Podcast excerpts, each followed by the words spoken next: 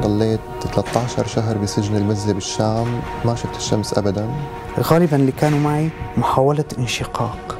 وممنوع ينزك تقدر تذكر اسمك لأنك أنت برقم. صار العدد يزداد آه، صارت الطلعة شبه مستحيلة. لما وقفت قدام القاضي قال لي باسم الشعب العربي السوري قررت المحكمة بالإجماع ما يلي. كان في ناس كتير تفصل تجن خلال 48 ساعة تكون ماتت. تم تعذيب زوجي قدامي. ضل عندنا الم- الميت يومين بالزنزانة رح ترضي يطلع هو ما له عامل شيء على الحاجز فقط لأنه من دارية. هي عالم كان عندها أحلام عندها كل شيء.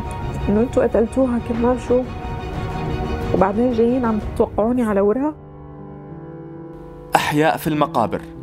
هو عنوان الفيلم اللي عرضته منظمة العفو الدولية آمنستي بمقرها بلندن. وهو أيضا عنوان الفعالية اللي نظمتها آمنستي للتعريف بقضية المعتقلين السوريين وتسليط الضوء عليها. الفعالية تضمنت إذا عرض الفيلم ومداخلات شارك فيها توبي كادمان أحد مؤسسي منظمة غرنيكا 37 المتخصصة بالعدالة الدولية وآمنة خولاني من حركة عائلات من أجل الحرية وسيما نصار من منظمة أورنامو الحقوقية السورية والمحامي والحقوقي السوري أنور البني. أنور البني تحدث لسوريالي عن آخر المستجدات المتعلقة بملاحقة مسؤولي النظام السوري في قضايا الإخفاء القسري وتعذيب وإعدام المعتقلين. كما تعرف أنه صدرت مذكره توقيف دولية بحق عدد من الضباط. ما سرب منها هو مذكرة توقيف في حق جميل الحسن لكن هناك أكثر من مذكرة صدرت. ونأمل إنه يستمر صدور مذكرات باعتبار نحن بألمانيا مدعين على 27 شخصية منهم بشار الاسد نفسه. وبالتالي نأمل إنه تستمر صدور مذكرات توقيف الدولية بحقهم. وسبق إنه أقمنا بالنمسا بالشهر آه، أيار آه، ملف قدمنا ملف. واليوم كان آه، أول يوم بيبدأ المدعي العام يستجوب شاهد. بالملف. وهذا شيء يعني تطور إيجابي جدا وسريع جدا بالنسبة للقضاء الأوروبي يعني. وبالتالي نحن متأملين خير كثير كمان نتيجة آه، إنه السرعة بال بال بال بالاستجابة و وبدء الاستجواب الضحايا الناجين من التعذيب آه، على هالصعيد. ما زلنا نقوم بجهد بالسويد والنرويج. واليوم آه، كمان آه، حاولنا نتحدث مع الخارجية لتفعيل قضية الدكتور عباس خان المواطن البريطاني الذي تم قتله ويستطيع القضاء البريطاني محاكمة ال- ال- المتهمين بدون صلاحية دولية لأن ال- الضحية أحد مواطنينه فحاولنا طلبنا إعادة تفعيل القضية وفتحها من جديد لمحاكمة المجرمين وكان هناك وعود إيجابية بال- بدعم هذا الملف آه، قدر الإمكان. أنور البني شرح أيضا الفعالية القانونية والسياسية لصدور مذكرات توقيف من دول أوروبية بحق عدد من أبرز مسؤولي النظام السوري بما يشمل رئيس إدارة المخابرات الجوية جميل حسن.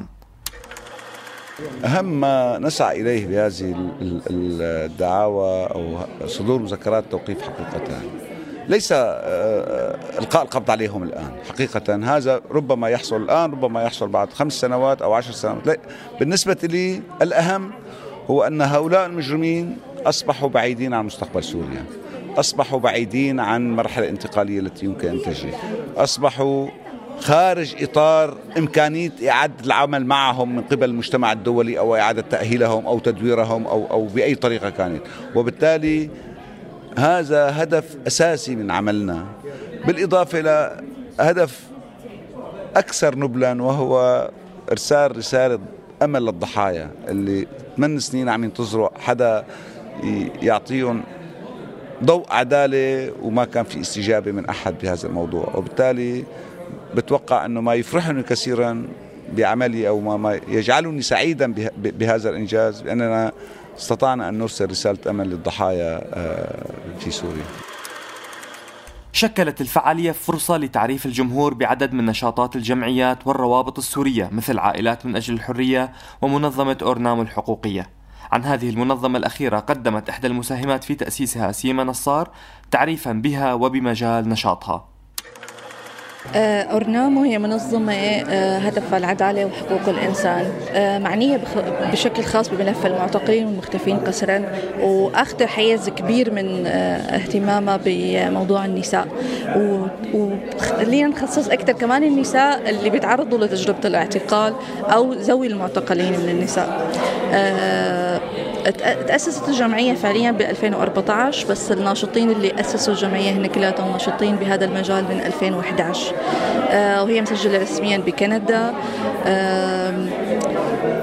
حاليا نشاطنا كلياته بيتعلق بهذا الموضوع آه، وعندنا فريقنا بمختلف المناطق السورية. بس موضوع توثيق الاعتقال والاختفاء يعني بصراحة يعني شيء صعب للغاية. يعني أنت بدك جيش صغير يتابع كل صغيرة وكبيرة وضع المعتقلين التغييرات اللي بتطرأ على أوضاعهم. فالحقيقة يعني في شغل كتير كبير آه، مشان هيك نحن كتير متفرغين بصراحة لموضوع الإعلام فكتير في ناس ما بتعرف مين هي أورنامو ومين هن أورنامو. يمكن بيعرفوا الأشخاص أكثر من المنظمة نفسها لأنه ما كتير مهتمين بموضوع الجانب الإعلامي أو ترويج المنظمة وكمان خليني أقول بهالمناسبة موضوع شو يعني أورنامو. كمان في ناس كثير ما بتعرف شو يعني أورنامو. أورنامو هي نسبة للي أسس شريعة أورنامو. هي شريعة قديمة تعتبر أقدم شريعة معنية بالقوانين المجتمعية. وأول شريعة حكت عن حقوق المرأة. آه، بغض النظر هلأ عن توافقنا مع هيدي القوانين أو لا بس هي آه، كانت أول شريعة بتاخذ هيدا الجانب يعني أقدم من شريعة حمورابي و... قدمت آمنة خولاني من حركة عائلات من أجل الحرية شهادة شخصية مؤثرة فيما يتعلق بتجربة اعتقال شقيقيها ومن ثم إعدامهم في سجن صيدنايا. مجد خولاني وعبد الستار خولاني كانوا من ضمن قوائم المعتقلين اللي بدأ النظام السوري بالكشف عن وفاتها عن طريق السجلات المدنية. لكن ماذا قد ينتج قانونيا من ذلك؟ وما الذي دفع النظام للقيام بهذه الخطوة؟ الحقوقي السوري أنور البني مجيبا. يعني أولا هي وسيلة إثبات ضد النظام أنه تم قتل موت هؤلاء المعتقلين وهم في عهدته على الأقل في عهدته. حتى لو ادعى بأنه ذبحة قلبية أو أي شيء هو مقصر وإجرام بعدم تقديم العناية الطبية وخاصة لهذه الأعداد الكبيرة من المعتقلين. ليس لواحد. إذا كانت لواحد فهي جريمة. فكيف إذا كانت لآلاف؟ آه، أحد الأسباب هو محاولة تغطية جريمة قتلهم بأنهم قد ماتوا وضع أسباب طبية لموتهم. هذا سبب ضعيف جدا. السبب الثاني ممكن آه، من أجل موضوع أستانا. آه، كانت أستانا قريبة أو تقترب و آه، في أستانا السابقة تم إقرار إحداث لجنة من النظام والمعارضة والصليب الأحمر والدول الضامنة لكشف عن مصير المعتقلين. ربما أراد النظام إرسال رسالة هؤلاء المعتقلين ماتوا لذلك لا تدخلوهم في المفاوضات ولا أحد يتحدث بهم بعد الآن. ربما من أجل القانون رقم عشرة آه، اختفاء المالكين القانوني آه، آه، تبقى لهم الحقوق حتى يظهروا. أما إعلان وفاته فإن هذه الحقوق تنتقل للورثة وعدم حضور الورثة يجعل الأملاك مباحة. فربما ليسهل على نفسه مصادرة هذه الأملاك والسيطرة عليها.